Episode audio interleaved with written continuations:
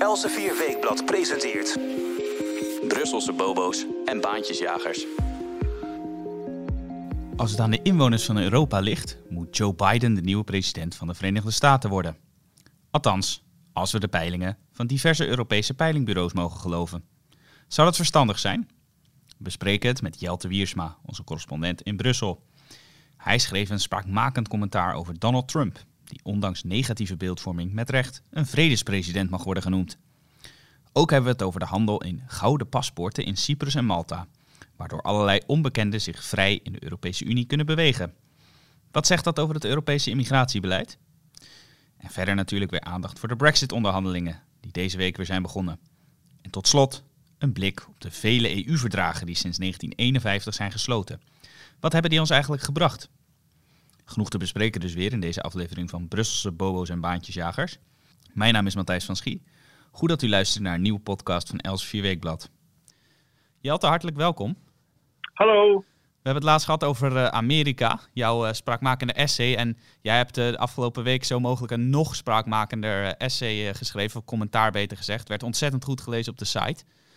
Dat is eigenlijk naar aanleiding van peilingen in de Europese Unie. Want de website Europe Elects, dat peilingen in allerlei Europese landen verzamelt, heeft gemeld dat in vrijwel alle EU-landen burgers een flinke voorkeur hebben voor Joe Biden in plaats van president Donald Trump.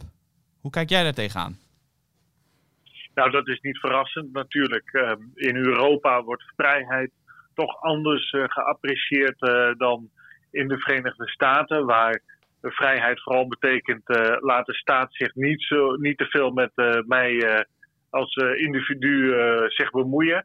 Terwijl in Europa de, vooral wordt gekeken naar de staat als hoeder van vrijheid. Ehm, en dat is een verschillende uh, zienswijze, uh, appreciatie van wat vrijheid is. Uh, vrijheid in Europa wordt ook gezien als vrije tijd, rechtszekerheid, bescherming, dat je niet zomaar ontslagen kan worden, um, enzovoort, enzovoort. Terwijl in Amerika toch veel meer het zo is van, nou, waar bemoeit de staat zich mee en wij willen ehm, uh, niet dat die uh, staat zich te veel bemoeit uh, met ons als burgers. En dat heeft natuurlijk ook zijn wortels in de samenstelling van de Amerikaanse bevolking, die nog altijd voor het grootste gedeelte bestaat uit mensen die 1, 2, 3, 4, 5, 6, 7, 8 generaties geleden vanuit Europa naar de Verenigde Staten zijn gegaan.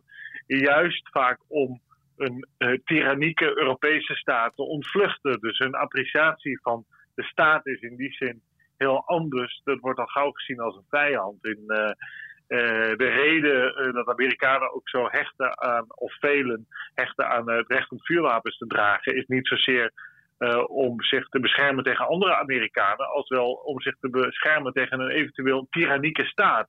Dus het geweldsmonopolie dat in Europa bij de staat ligt, dat ligt in Amerika ook wel bij de staat. Maar burgers vinden het toch wel fijn dat uh, ze zich kunnen beschermen mocht die staat aan de deur kloppen en eigendommen willen afnemen, zoals op vrij grote schaal in Europa gebeurt. Dus dat Biden daardoor de voor, met die achtergrond de voorkeur heeft, die, die of, ietsje linkser is dan Trump, maar niet eens zoveel hoor. Dat is een conservatieve katholiek, laten we wel zijn.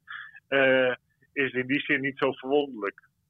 Ja, ik zei al eventjes in de introductie dat Trump met recht een vredespresident mag worden genoemd. Want die, die vrijheid waar, waar Europa ook van mag genieten, dat is natuurlijk met name dankzij de Verenigde Staten gebeurd. Zoals jij twee podcasts terug uitgebreid uiteen hebt gezet.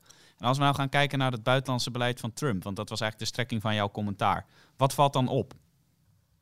Ja, dat is heel boeiend. Ehm, de negatieve sfeer rond Trump is natuurlijk al vanaf dag één daar geweest bij vele commentatoren, journalisten, politici in Amerika en in Europa. En in Amerika ook van de Republikeinse Partij, waar heel veel afkeer bestond en bestaat uh, binnen die partij uh, over Trump. Maar waarbij de vrees vooral was dat Trump helemaal niks wist van het buitenland, uh, nogal gespierde taal, bezigde in de verkiezingscampagne van 2016 tegen Hillary Clinton over dat hij uh, het Amerikaanse leger, de Amerikaanse strijdkrachten, zou heropbouwen en een flinke injectie geld daarin zou steken. En dat hij nogal ehm, enthousiast was in de manier waarop hij Amerika's kracht wel eens even zou laten zien op mondiale schaal. Nu werd ehm, dat door velen uitgelegd als een soort cowboy in het Witte Huis, die Trump zou zijn. Daardoor, daarmee stapt hij in grote schoenen trouwens, want Roosevelt de oom van de latere Franklin D. Roosevelt was natuurlijk republikeins president in Amerika en werd ook altijd cowboy genoemd. Maar uh, ja, als je kijkt naar de feiten, en dat is toch waar je als eerste naar journalist, als journalist naar moet kijken, en ook het motto is van ons weekblad, is dat Trumps buitenlands beleid ja, een groot succes is. ja, wat voor, noem eens een aantal voorbeelden daarvan. Nou ja, het, belangrijkste is natuurlijk het Midden-Oosten. En dan meer specifiek de situatie rond Israël. Uh, Trump uh, zei dat hij in 2016 beloofde hij tijdens de verkiezingscampagne: ik ga vrede daar brengen en ik kom met een prachtige deal. En hij brengt dat, in dat met dat soort woorden. En dan denk je, nou, wat zal het allemaal betekenen? En hoe gaat dat nou? Maar hij heeft zijn schoonzoon Jared Kushner, een Jood notabene, heeft hij daar naartoe gestuurd als een soort speciaal gezant namens zichzelf. En die realiteit is daar dat uh, Bahrein, de Verenigde Arabische Emiraten en nog een aantal landen Israël nu erkennen. Eh, sinds kort. Eh, dat is allemaal dit jaar gebeurd. Ambassades wederzijds openen. Dus uh, Israël mag een, ambassade in de Emiraten openen, in Bahrein enzovoort. Ehm, er gaan vliegtuigen vliegen tussen, de, dus tussen Israël en al die landen. en dit is een enorme doorbraak, want tot nog toe waren er maar twee Arabische landen die erkende uh, dat Israël bestond en ook diplomatieke betrekkingen met Israël onderhielden. En dat waren Jordanië en Egypte. En dit is een werkelijk waar ongelooflijke doorbraak. En je ziet dat de Arabische landen de Palestijnen, dat zijn ook Arabieren, eigenlijk als een baksteen laten vallen. En de meeste Arabische landen vinden de Palestijnen ook maar uh, rare tweedehands autodealers. Uh, zo worden die een beetje beschouwd. Dat, vinden, dat is altijd een beetje het uitschot van de Arabische wereld geweest. En die, er is totaal geen loyaliteit met, die, met, met de Palestijnen. En dat blijkt dus nu ook. Uh, de Palestijnen zijn allemaal boos. Maar ze, die, die, doen verder niks. Die kunnen ook niet zoveel. Um, je moet je ook voorstellen. Kijk, Trump heeft gedaan wat alle presidenten voor hem ook hebben beloofd om de Amerikaanse ambassade van Tel Aviv naar de hoofdstad van Israël te verhuizen, Jeruzalem. Wat volgens velen omstreden was en zou leiden tot massale rellen en, en oproer in het Midden-Oosten. Trump heeft zijn verkiezingsbelofte nagekomen. Een belofte die Obama ook had gedaan, die Bush had gedaan, Clinton. Um, en um, uh, er is helemaal niks in brand gegaan daar in het Midden-Oosten. En hij heeft natuurlijk erkend dat de Golanhoogte eh, eh, een onvervreemdbaar deel van Israël is. En dat is winst, wat mij betreft, van de Golanhoogte. Wil je, die is natuurlijk ooit door Israël ingenomen tijdens een oorlog waarbij de zes Arabische staten, dus de beroemde Zesdaagse Oorlog van 1967, Israël van alle kanten binnenvielen. En dat is toen door Israël gepikt en ingenomen van Syrië. Maar wil je het dan teruggeven aan Syrië? Want daar is meneer Assad de baas. Nou, is dat een vriendelijk eh, bestuur eh, om dat stukje land aan eh, te geven? Nou, dat lijkt mij niet. Nee, dat, dat hebben we inderdaad de afgelopen jaren gezien. Dat, dat het daar niet allemaal pijs en vrede is in Syrië. En dat is gelijk een bruggetje eigenlijk naar de volgende behoorlijke prestatie van Trumps regering in het Midden-Oosten. Want in Syrië is het ook een stuk rustiger geworden hè, de laatste jaren. Ja, we kennen natuurlijk de Syrische burgeroorlog, die bijna tien jaar al voortwoekert en absoluut vreselijk is. En um, Obama die had het uh, als president over de rode lijn die Assad, uh, de dictator, al daar niet over mocht gaan. En die rode lijn was onder meer het inzetten van gifgas. Nou, dat heeft um, Assad wel gedaan en Obama deed niks. Nou, daarmee was meteen Obama ongeloofwaardig geworden op het internationaal toneel. Want Obama dreigt dus, zet een rode lijn neer en handelt daar dan niet naar. En Trump is uh, veel uh, voorzichtiger geweest. wat mij betreft ook veel, verstandiger. Die is niet met allerlei rode lijnen gekomen. Trump spreekt zichzelf ook heel vaak tegen, wat wel interessant is, waardoor hij ehm, heel erg ongrijpbaar wordt door dit, voor dit soort dictators. Um, en um, wat Trump uiteindelijk heeft gedaan na een gifgasaanval is 59 Tomahawk-raketten op een vliegbasis neergegooid als waarschuwing aan Assad van uh, pas wel op jongen. Uh, dat heeft uh, zijn effect wel gehad. En wat misschien nog wel meer effect heeft gehad is dat um, Trump, dat lekte later uit in een boek van Jim Mattis, die was... James Mattis was minister van Defensie onder Trump waarin duidelijk werd dat Trump wilde dat Assad werd omgelegd. Uh, en uh, die, uh, dat brengt wel enige angst bij de heren in het Midden-Oosten met zich mee. Want we kennen natuurlijk de generaal Soleimani, de nummer twee in het Ayatollah-regime van de Iraniërs. Um, Shiiten, geen Arabieren en, en geen Soenieten, Shiiten, heel specifiek en Persen, die um, uh, die, die, meneer Soleimani is vrij vakkundig uh, door Trump uh, uitgeschakeld. laten we zeggen, gewoon vermoord. En dat heeft de schrik wel aardig in de benen gebracht bij de heren daar in het Midden-Oosten. Dat Trump gaat geen grootschalige invallen plegen in landen zoals Bush deed en waar Clinton ook voor was. Ehm, bijvoorbeeld Irak binnenvallen of Afghanistan. Nee, hij is veel specifieker in het, als hij geweld toepast, hoe hij dat toepast. En hij doet dat op zo'n manier dat, uh, dat er kennelijk meer effect van is. Uh, en, uh, want ja, de ene naar de andere vredesdeal wordt gesloten in het Midden-Oosten. En daarbij is het karakter van Trump toch ook wel fascinerend, moet ik zeggen. Die, die, die past ook veel beter bij die mensen daar in het Midden-Oosten. Ja, daar hebben we het Midden-Oosten gehad. Inderdaad, een van de grootste brandhaarden waar inderdaad met name op basis van uh, familiale loyaliteit en uh, stammen als het ware wordt, uh, wordt onderhandeld. Ja, exact. Trump is eigenlijk een soort clanleider hè, van de familie Trump. En die stuurt dus ook zijn schoonzoon daar naartoe. Die houdt van blinkend goud, grote paleizen, privéjets enzovoort. En daar houden die mannen in de Arabische wereld ook allemaal van. En dat uh, die herkennen zichzelf in zo'n Trump, gek genoeg. En die mannen zijn natuurlijk ook uh, tegen, en die spreken zichzelf vaak ook tegen die dictators daar of die clans. En er zijn ook allemaal familieruzies en weet ik wat. En dat, daar past die Trump helemaal bij. Die, dat snappen ze, zo'n man. Ja, een heel fascinerende ontwikkeling. Dan hebben we het Midden-Oosten gehad, het uh, nabije deel van Azië. En als we dan even gaan naar het verre deel van Azië, dan heeft Trump daar ook wel het nodige bereikt. Hè? Of in ieder geval voorkomen. Ja, hij was natuurlijk de eerste die.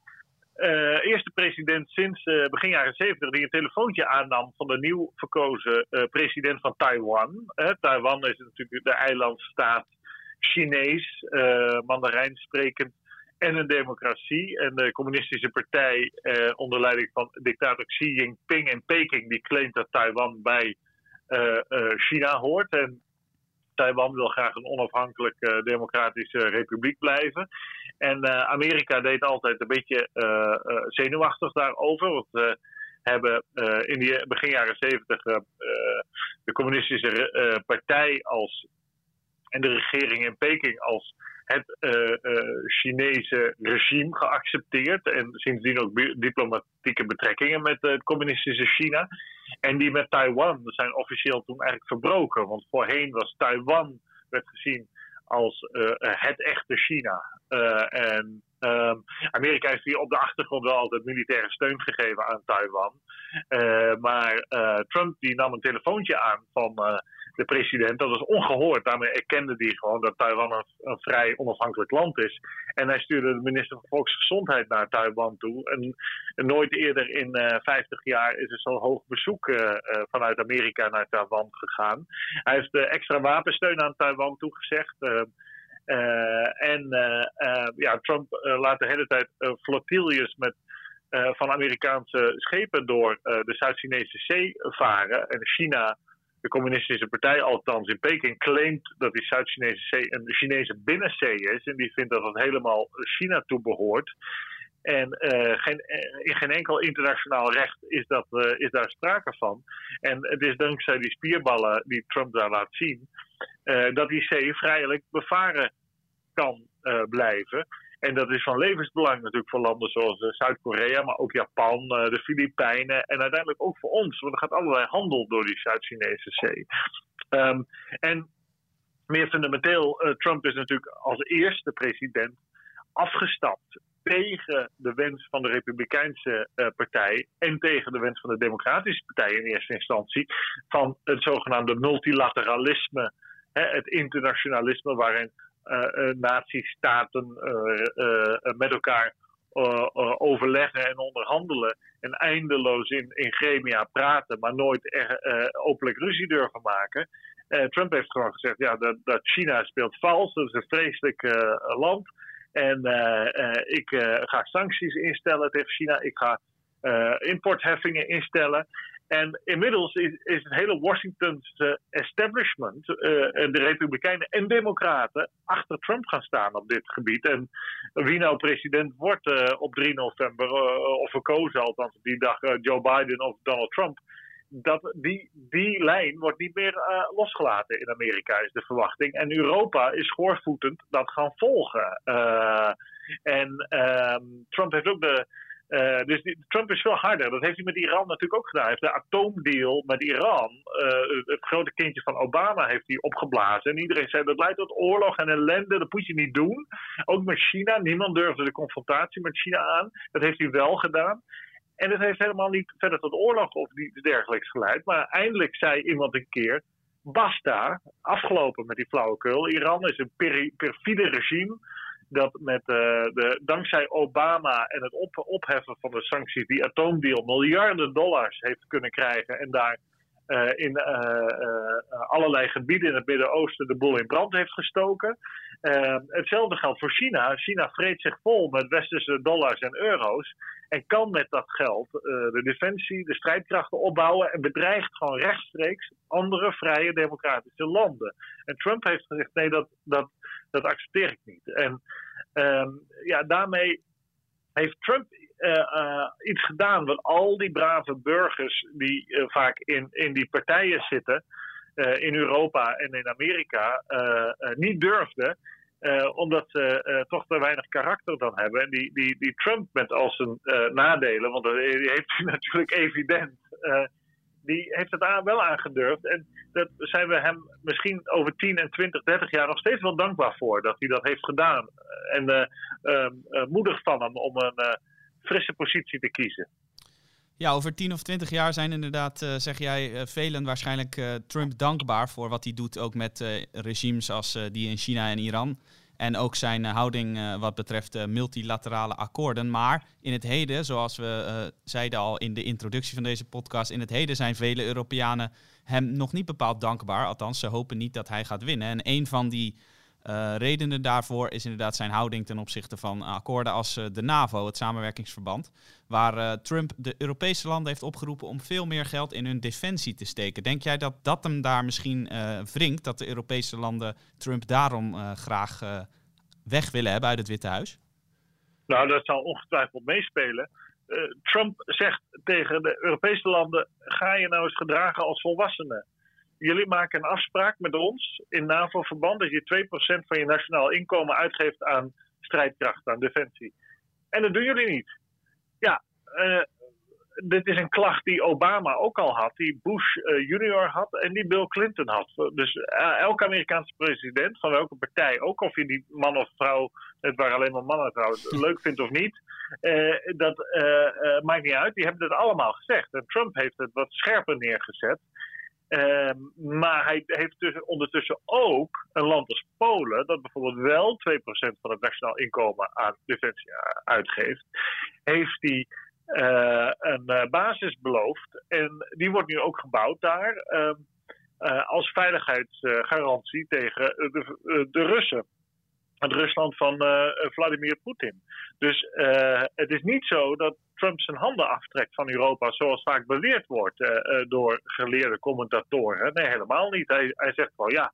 Ik ben, wij als Amerika zijn zij aan zij aan jullie, met jullie als Europeanen, maar dan moeten jullie ook zij aan zij met ons staan en onze, of de afspraken die jullie als volwassenen hebben gemaakt met ons nakomen. Ja, daar kan je toch weinig kritiek op hebben, eerlijk gezegd.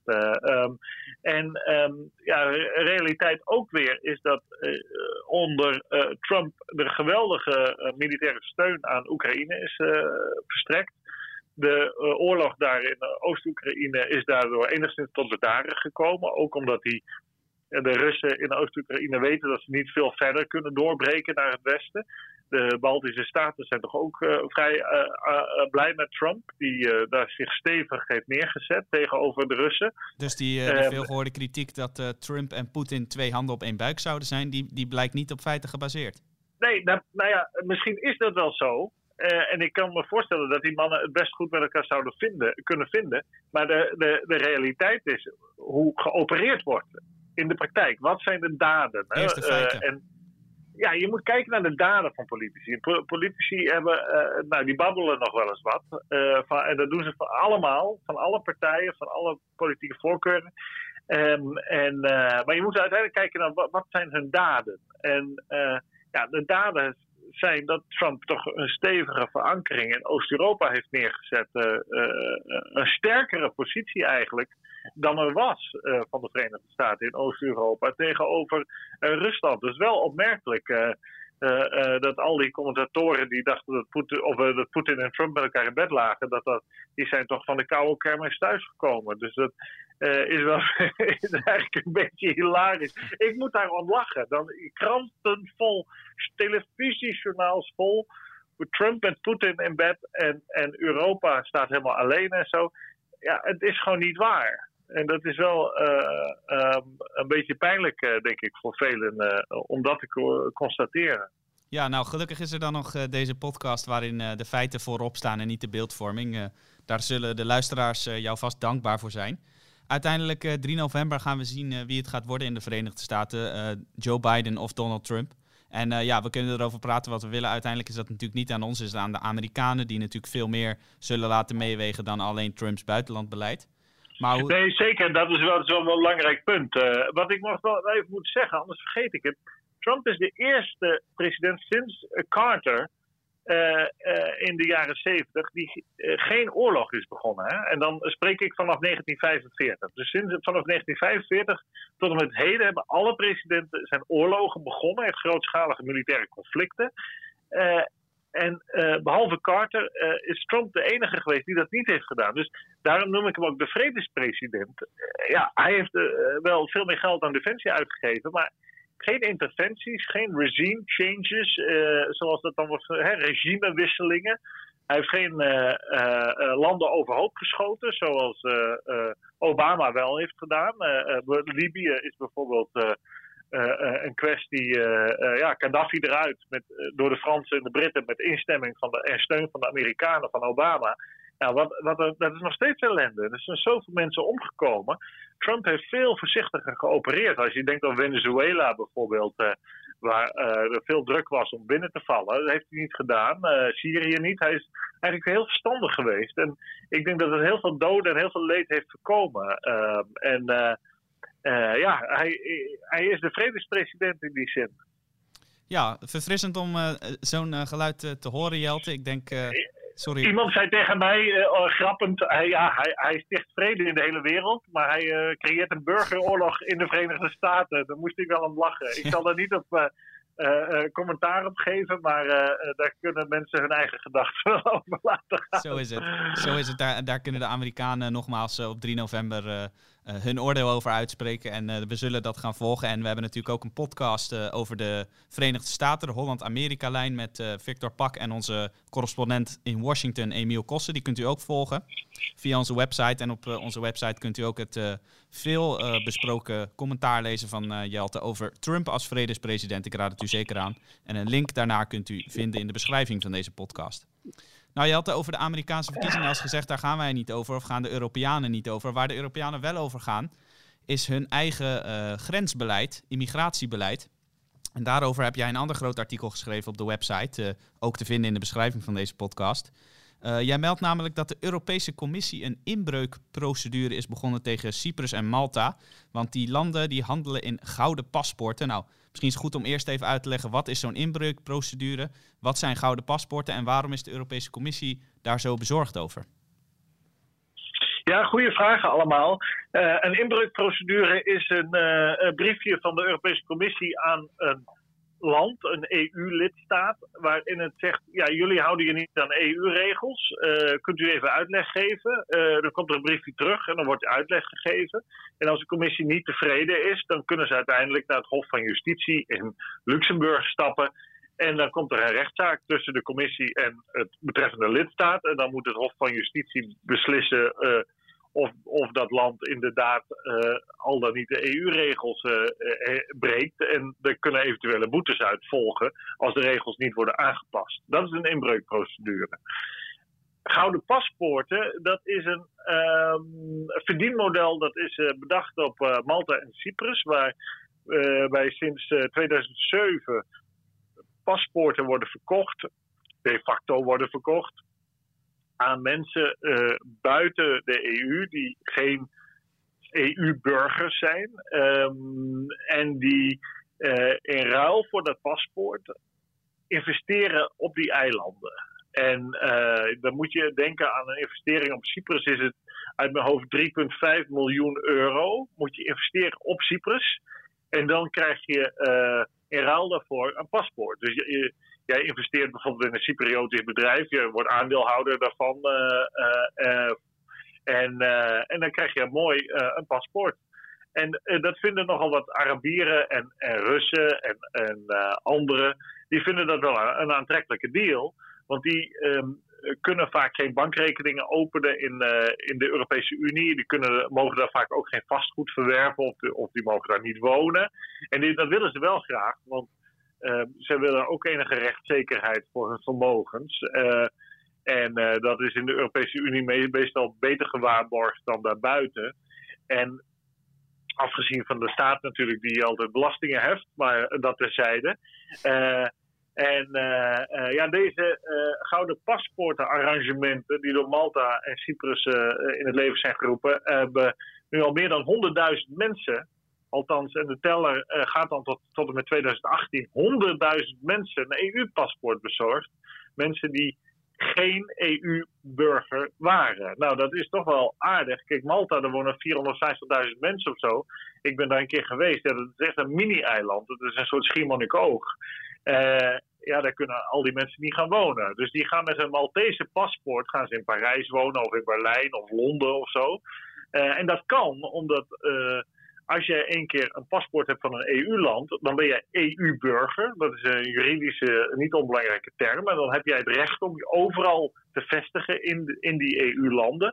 En daar ook vastgoed te verwerven, bankrekeningen te openen, bedrijven te uh, starten, enzovoort, enzovoort. En ja, de commissie die heeft nu uh, gezegd tegen deze twee landen van ja, dit gaat in tegen de EU-regels.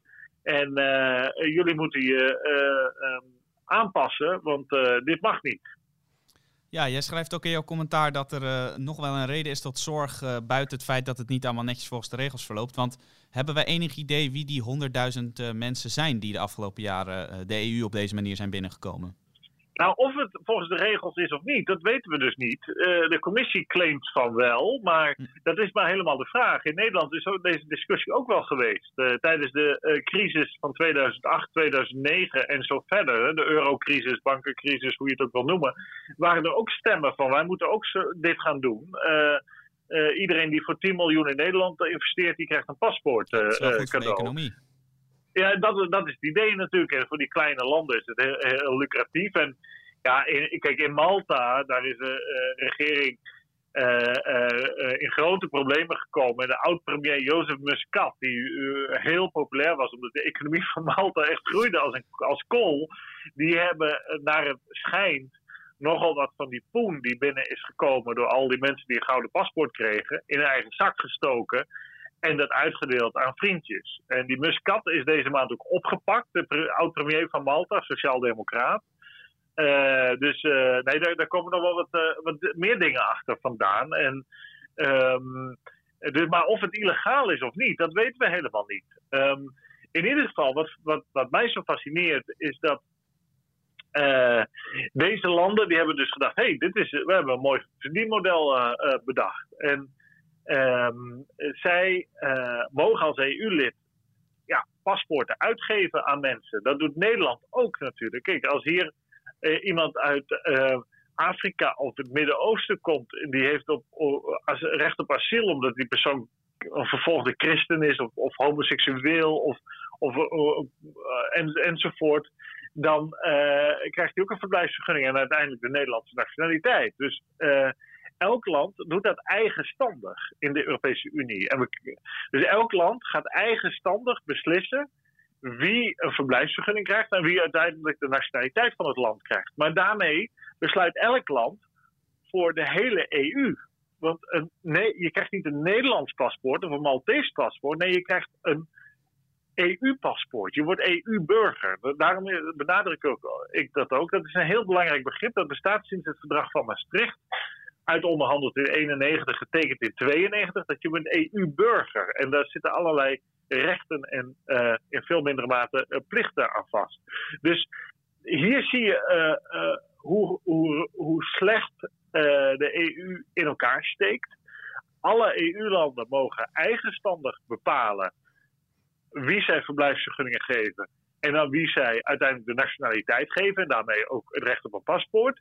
En wie dus in die hele ruimte EU mogen verblijven. Um, en uh, uh, daarmee uh, ga je dus helemaal in een situatie belanden waarbij um, je de verantwoordelijkheid niet duidelijk hebt wat, wat, logisch zou zijn is dat als je zegt van oké, u mag zich in die hele EU vestigen, dat je immigratie en asielbeleid, want daar gaat dit over, dat je dat op EU-niveau had gedaan. Dus dat je op EU-niveau zegt, we zetten een, uh, een aantal regels op een rijtje en daaraan moeten uh, mensen voldoen, willen zij hier een paspoort van een land kunnen verwerven. Um, maar dat is niet zo. Dus je ziet ook allerlei verschillen. Dus in het ene land kan je als vervolgde christen wel nationaliteit uiteindelijk krijgen. En in een ander land is dat misschien helemaal geen rechtsgrond. Um, ja, landen hebben natuurlijk ook eh, andere definities voor wie nou een vluchteling is en wie nou niet. Exact, ja. exact. Dat is helemaal niet duidelijk. Um, dus um, uiteindelijk heb je wel een hoogste rechtsinstantie, het Hof van Justitie. Uh, en de Straatsburg, het Mensenrechtenhof, dat losstaat van de EU, speelt daar ook wel een rol in. Maar ja, er is, uh, er is gekozen voor wel open binnengrenzen wel uh, een vrije vestiging, overal in de Europese Unie. Uh, maar er is niet gekozen voor wat daar dan ook bij hoort, dat je aan die buitengrens van dat hele EU-gebied, dat je daarvan zegt, ja, daar gaan wij gezamenlijk uh, dezelfde regels voor opstellen. en wij geven als nationale regeringen de macht uit handen aan bijvoorbeeld de Europese Commissie om dan te bepalen wie wel en niet uh, hier uh, in die Europese ruimte mag zijn. Maar dat hebben ze niet gedaan. Dus er is nu uh, een, een, een, gat ontstaan, en dat is heel vaak zo bij de EU, dat het leuke is wel geoogst. Dus dat je er overal vrij mag vestigen, dat is heel leuk voor heel veel mensen. Maar het nadeel dat je dan je macht moet inleveren als nationale hoofdstad over wie je toelaat uh, en wie je de nationaliteit geeft, dat is niet uit handen gegeven. En uh, dat zie je heel vaak, dat er op twee benen gehinkt wordt. En dan wordt het leuke, het makkelijke, wordt geoogst. En daar wordt een akkoord over bereikt door de regeringsleiders. En het moeilijke, wat pijn, echt pijn doet, dat, dat doet men niet. En je moet of het een doen of het ander. Of je gaat weer terug en je legt die autonomie bij de natiestaat. Dan mag je dus niet meer overal, overal vrij vestigen. Maar dan is het ook gewoon aan Nederland om te bepalen wie Nederlander wordt. En ja, als wij een miljoen mensen uit Afrika Nederlander willen laten worden, ja, dan zullen die ook in Nederland zijn. En dan uh, zullen wij daar ook uh, het een en ander voor moeten regelen. En nu zie je dat bijvoorbeeld in, in Nederland 25.000 tot 40.000 Somaliërs, die hebben in Nederland een verblijfsvergunning gekregen en uiteindelijk de Nederlandse nationaliteit en een Nederlands paspoort. Maar die mensen wilden helemaal niet in Nederland zijn. Die zijn alleen maar naar Nederland gekomen omdat ze hier eenvoudig uh, een verblijfsstatus en uiteindelijk de nationaliteit kregen. Maar die wilden graag naar Engeland. Want die spreken vaak ook al wat Engels en die hebben soms daar ook familie. Dus er zitten, uh, er zitten 25.000 tot 40.000 Somalische Nederlanders nu in Engeland. Dus Engeland heeft gratis van ons als Nederland een cadeau gekregen van, van 25.000 tot 40.000 Somaliërs. Dat, dus die Engelsen hebben daar nooit over beslist. En dan krijg je opeens al die mensen in je land. Het hetzelfde is met Angela Merkel 2015 natuurlijk weer Schassendag. Die laat bijna een miljoen mensen binnen. Maar stel nou dat die miljoen mensen uh, allemaal naar Duitsland gaan. Die krijgen daar van Duitsvergunning en uiteindelijk de Duitse nationaliteit. En die zeggen, nou, de Duitsland hebben we nu alweer gezien. We gaan er met z'n allen in Nederland wonen. Dan krijgen we opeens een miljoen mensen in Nederland erbij. Nou, daar hadden we niet helemaal voor gestemd, geloof ik. Uh, uh, dat overkomt je dan. Dus dit is een kladderadatsch. dit is een, een zootje. En ja, als de commissie rechte lijnen trekt, dan moet ze ook inbreukprocedures beginnen. Niet alleen tegen landen die, die paspoorten verkopen aan rijke Russen enzovoort. Wat trouwens nog geld oplevert. Dat is nog het voordeel daarvan. Maar dan moet je ook uh, inbreukprocedures beginnen tegen landen die allemaal mensen binnenlaten. van wie je ook niet weet wat hun achtergrond is. Dat kunnen ook wel criminelen zijn of jihadisten of zo. Uh, en die kosten geld uh, over het algemeen in een verzorgingsstaat. Dus um, dit is een, een, een, zaak die mij hooglijk verbaast. hier wordt gemeten met twee maten door de commissie. Nou, dat is wel duidelijk inderdaad. we blijven het volgen hoe het afloopt met die inbreukprocedure en of deze problematiek ooit opgelost kan worden met de huidige EU-wetgeving. Als ik jou zo beluister, dan denk ik, nou, de, de Britten hebben misschien problemen genoeg met de Brexit, maar deze immigratieproblematiek, dat is natuurlijk een van de belangrijkste redenen dat zij hebben besloten die EU te verlaten. En uh, de Brexit, dat is uh, inmiddels een uh, wekelijks terugkerend fenomeen weer geworden in de podcast, nadat het een aantal maanden stil was geweest. Want de onderhandelingen tussen het Verenigd Koninkrijk en de Europese Unie zijn donderdag 22 oktober weer begonnen. Kun je ons even inlichten? Het gaat natuurlijk snel, maar hoe staat het er inmiddels voor? Ja, ze zijn weer met elkaar aan het praten. Uh, dat, zo gaat het de hele tijd. Uh, dan is er ruzie tussen Michel Barnier, de EU-onderhandelaar, en David Frost, de Britse onderhandelaar. Ja, en dan ligt het stil en dan wordt er even gebeld door Johnson, de Britse premier, met von der Leyen, de voorzitter van de Europese Commissie. En die belt dan weer met Macron en die belt dan weer met Merkel. En zo zijn ze de aan bellen. Maar dan hebben ze zo'n ruzie met elkaar gehad uh, omdat ze van de EU-kant een soort laatste bod hebben neergelegd. Van ja, dit, dit is wat er is. Aan, uh, dit is wat wij willen bieden. En jullie als Verenigd Koninkrijk, ja, als je iets wil, als je toch een akkoord wil, dan, dan moet je naar onze kant toe bewegen. Nou, Johnson heeft gezegd, nou, dat is te, te, te weinig. het is onmogelijk om te onderhandelen. Als, als je van één kant zegt, dit is ons eindbod. maar er wordt nu toch weer gepraat. Nou, wat eruit komt, ik weet het niet. Maar um, we weten wel dat Johnson ook enige flexibiliteit van geest kent. Um, dat hebben wel meer politici natuurlijk. Uh, dus Johnson heeft wel heel hard gezegd van nou, dit kan allemaal niet. Maar het, ja, het kan zomaar dat het toch kan. Maar dan uh, zal er van Johnsons kant bewogen moeten worden. Want ik ben er redelijk van overtuigd dat het van de EU-kant inderdaad uh, niet bewogen zal worden. Dat hebben de 27 EU-leiders afgesproken. En ik zie dat ook niet gebeuren. Dus Johnson moet, denk ik, bewegen. Um, en um, hij, uh, of het is er hem, denk ik, veel aan gelegen om met een deal te komen. Ja. al was het maar omdat um, zijn populariteit enorm gedaald is. omdat hij van de corona aanpak helemaal niks bakt. En ook een aantal andere dingen doet hij gewoon heel slecht. En zijn populariteit is echt waanzinnig gedaald. Hij heeft de grootste meerderheid, zo'n beetje sinds de Tweede Wereldoorlog, uh, in het lagerhuis verworven. in december bij de verkiezingen van december 2019. En ja, nu heeft hij nauwelijks nog steun onder de Britse bevolking. Dus als hij nu een, een deal eruit sleept, dan kan hij zeggen: Kijk, ik ben degene die Brexit heeft voltooid. En ik ben degene die ook nog een akkoord heeft weten te sluiten met de Europese Unie. Uh, en dan kan hij zo'n heldenstatus claimen. maar hij, hij zei juist altijd dat hij nooit bereid was om toe te geven aan de EU. Dus, dus als hij nu dan weer een beetje terug zou krabbelen, zou je ook kunnen redeneren dat hij juist zijn belofte niet waarmaakt.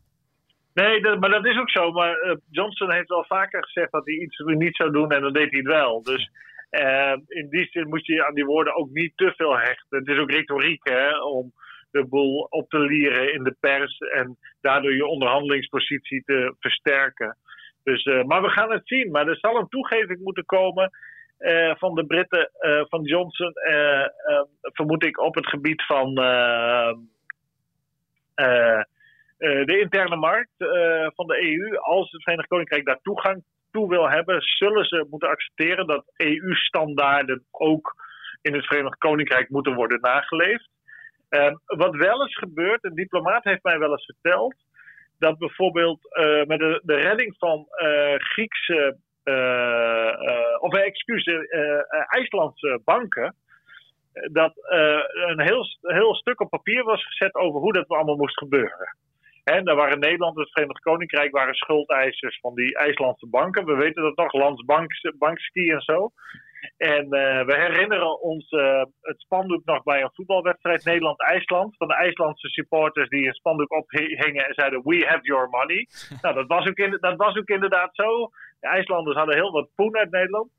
En toen is er uh, eindeloos onderhandeld en een heel document opgesteld. Nou, en IJsland daarover stemmen en nou, afgestemd. We hebben ze exact dezelfde inhoud, hebben ze nog een keer opgeschreven. Alleen in totaal andere volgorde, andere zinnen, uh, andere woorden. En toen is het wel aangenomen.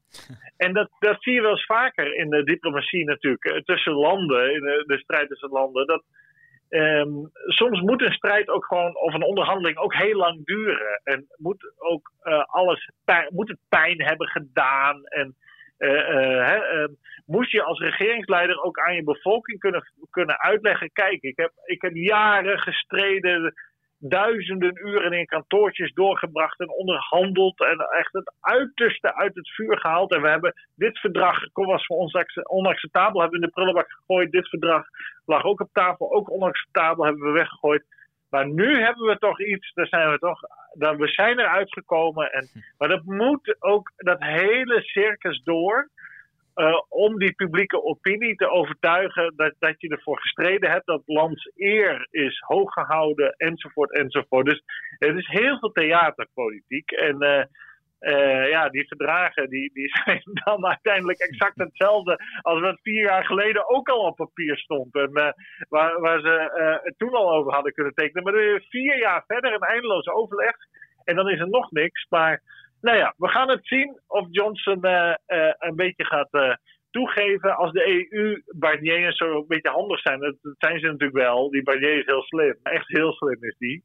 Die Fransman. Die, dan gunnen ze Johnson dit circus. En, en, dat het, en dan gaan ze het een beetje anders op papier zetten. Maar uh, wordt, blijft het uiteindelijk hetzelfde. En dan kan Johnson thuis de overwinning claimen.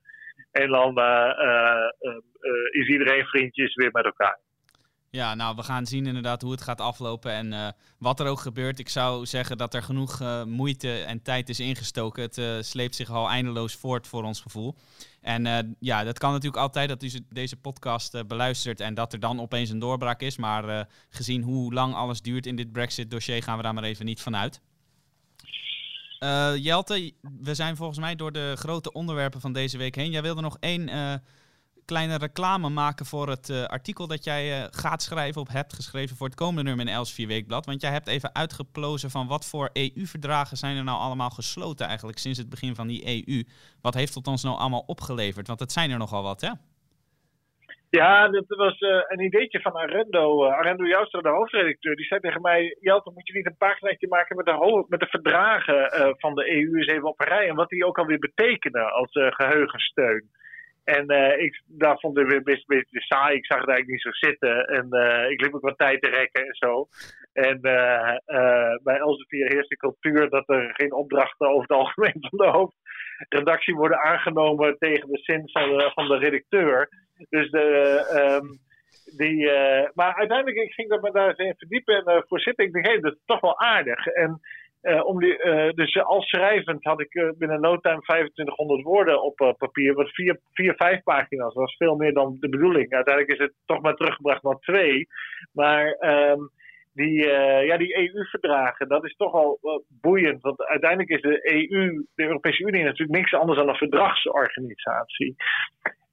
en de verdragen van de Europese Unie dat uh, uh, is het spelregelboek van het, van, van het hele geheel.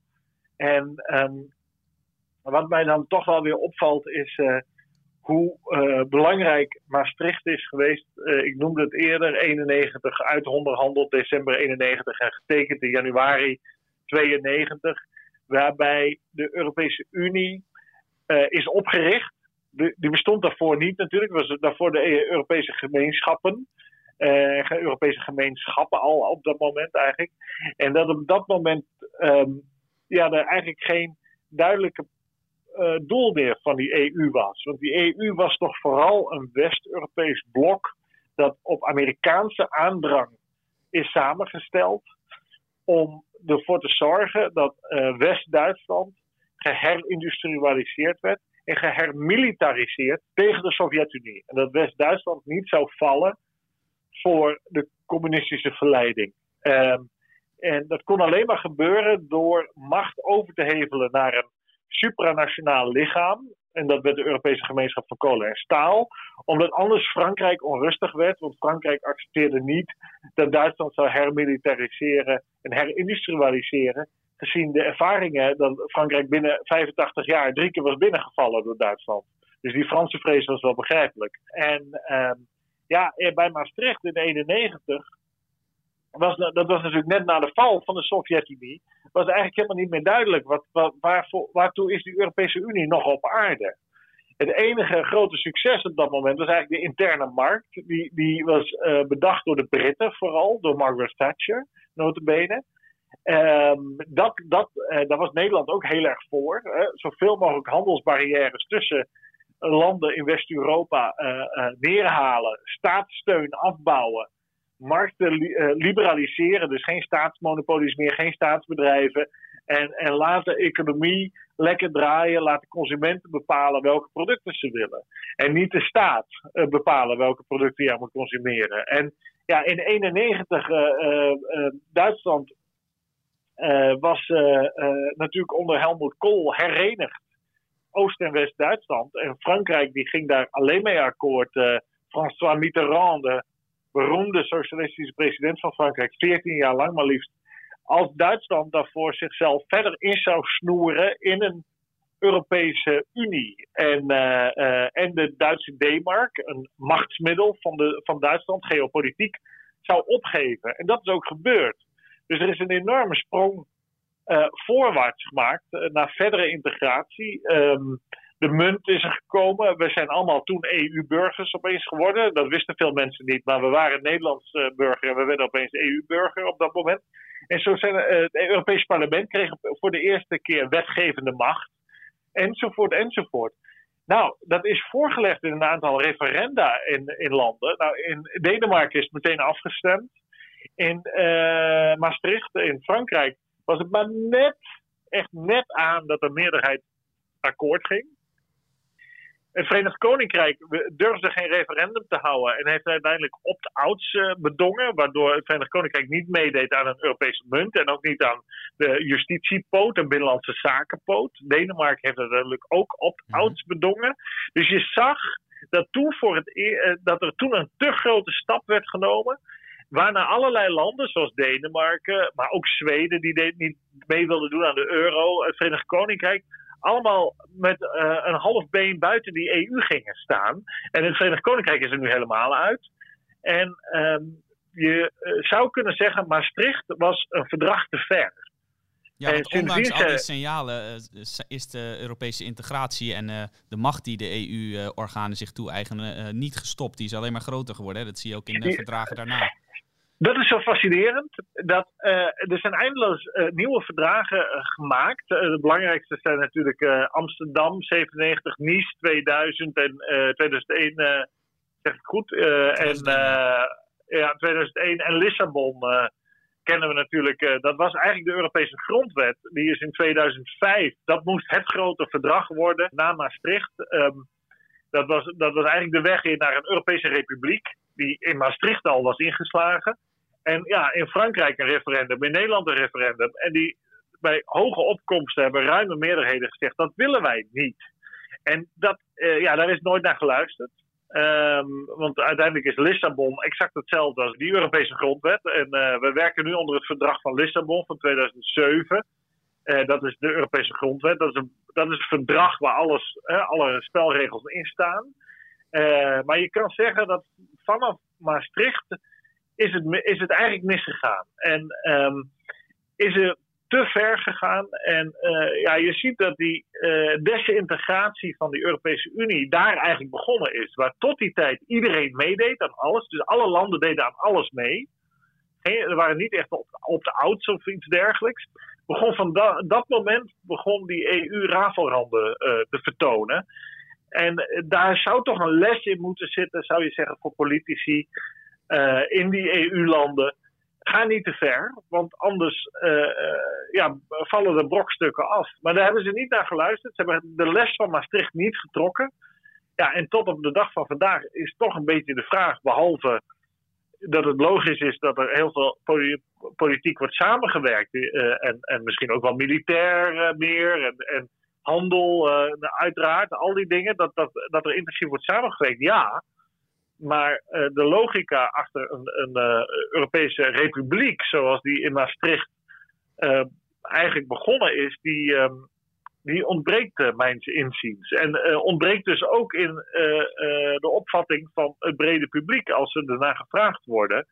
en ik maak me er toch wel zorgen over, over dat, dat gat tussen onze bestuurders uh, enerzijds en de publieke opvatting anderzijds. Want ja, Brexit heeft laten zien dat dat uh, kan ploffen. En dan krijg je dus Europese uh, dis-eenheid en geen Europese Unie juist. Je krijgt geen Europese eenheid, maar je krijgt de dis-eenheid, uh, om maar een lelijk woord te gebruiken. Dus nou, dat lijkt me, dan ben je verder van huis dan eigenlijk hoe de EU of de Europese gemeenschap er in 1990 uitzag. Toen waren we vriendelijker met elkaar dan we nu zijn. Dus dat is achteruitgang, lijkt mij. Dus wie Europese vrede wil, uh, en Europese eenheid moet niet te veel Europese eenheid nastreven. Want, uh, en dat is toch een, een, boodschap die niet overal uh, begrepen wordt. Nou, dat zijn de hele grote lijnen eigenlijk van de Europese Unie van 1951 tot nu eigenlijk. En mocht het u nou een beetje zijn gaan duizelen, al die jaartallen, al die verdragen. in het komende nummer van Els 4 Weekblad kunt u dat allemaal rustig op een rijtje lezen. En ook op het internet zal dan het artikel verschijnen. Moet u wel een abonnement voor hebben. Maar ja, wij raden u dat sowieso aan om dat te nemen, want uh, ja, daar heeft u ontzettend veel plezier van. Lees elsevierweekblad.nl als u zo'n abonnement uh, wilt afsluiten. En u kunt natuurlijk blijven luisteren naar deze podcast, waar wij eigenlijk binnen die grote lijn die Jelte net heeft beschreven, iedere keer weer, iedere week weer de ontwikkelingen blijven bespreken. Jelte, we zijn alweer bijna een uur bezig. Het was een uh, ontzettend boeiende podcast, denk ik weer, voor de luisteraar. Ik hoop het in elk geval. Hartelijk bedankt voor jouw bijdrage weer. Graag gedaan. Daarmee zijn we aan het einde gekomen van deze podcast. Mijn naam is Matthijs van Schie en ik wil u ook hartelijk danken voor het luisteren. Bent u nou benieuwd geworden naar de artikelen die we zojuist hebben besproken in deze podcast? Dan kunt u allemaal lezen in Els 4 Weekblad of op onze site. Voor een abonnement, waarbij u ook onbeperkte digitale toegang krijgt, kunt u surfen naar www.els4weekblad.nl. Daar kunt u zich ook abonneren op onze podcastseries. Dat kan ook door in uw favoriete podcast-app, bijvoorbeeld Spotify of iTunes, te zoeken op Els 4 Weekblad. Dit was het voor nu. Graag tot de volgende keer.